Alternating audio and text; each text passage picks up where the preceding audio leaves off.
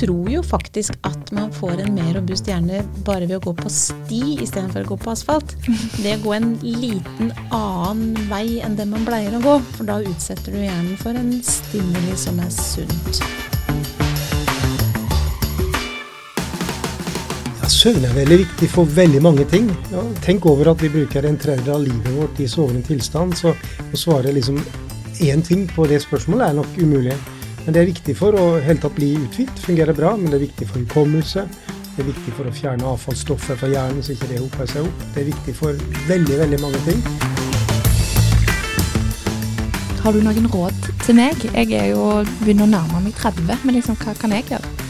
Ja, jeg har uh, et par råd. For det første så vil jeg be deg om å leve livet, og ikke stille noe på vent. To, lær noe nytt hver dag. Min uh, mor hun begynte jo ikke å trene før hun var 69. Yes. Og um, da sa jeg til henne at uh, det å være i aktivitet er kjempeviktig, men du må begynne rolig. Nå har vi jo så mange hjelpemidler. Altså, Jeg trenger ikke å huske telefonnummer lenger. Jeg kan bruke GPS-en på mobilen for å finne fram. Hvordan påvirker de nye hjelpemidlene oss? Det vet vi ikke nok om.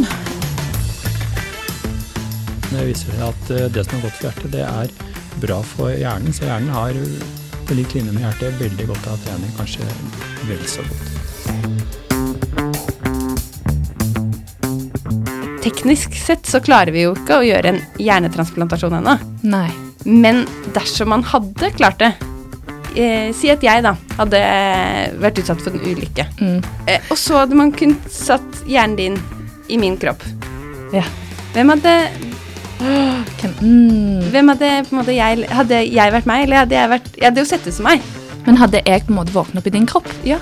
Sånn at man kunne ikke sagt at det var en hjernetransplantasjon.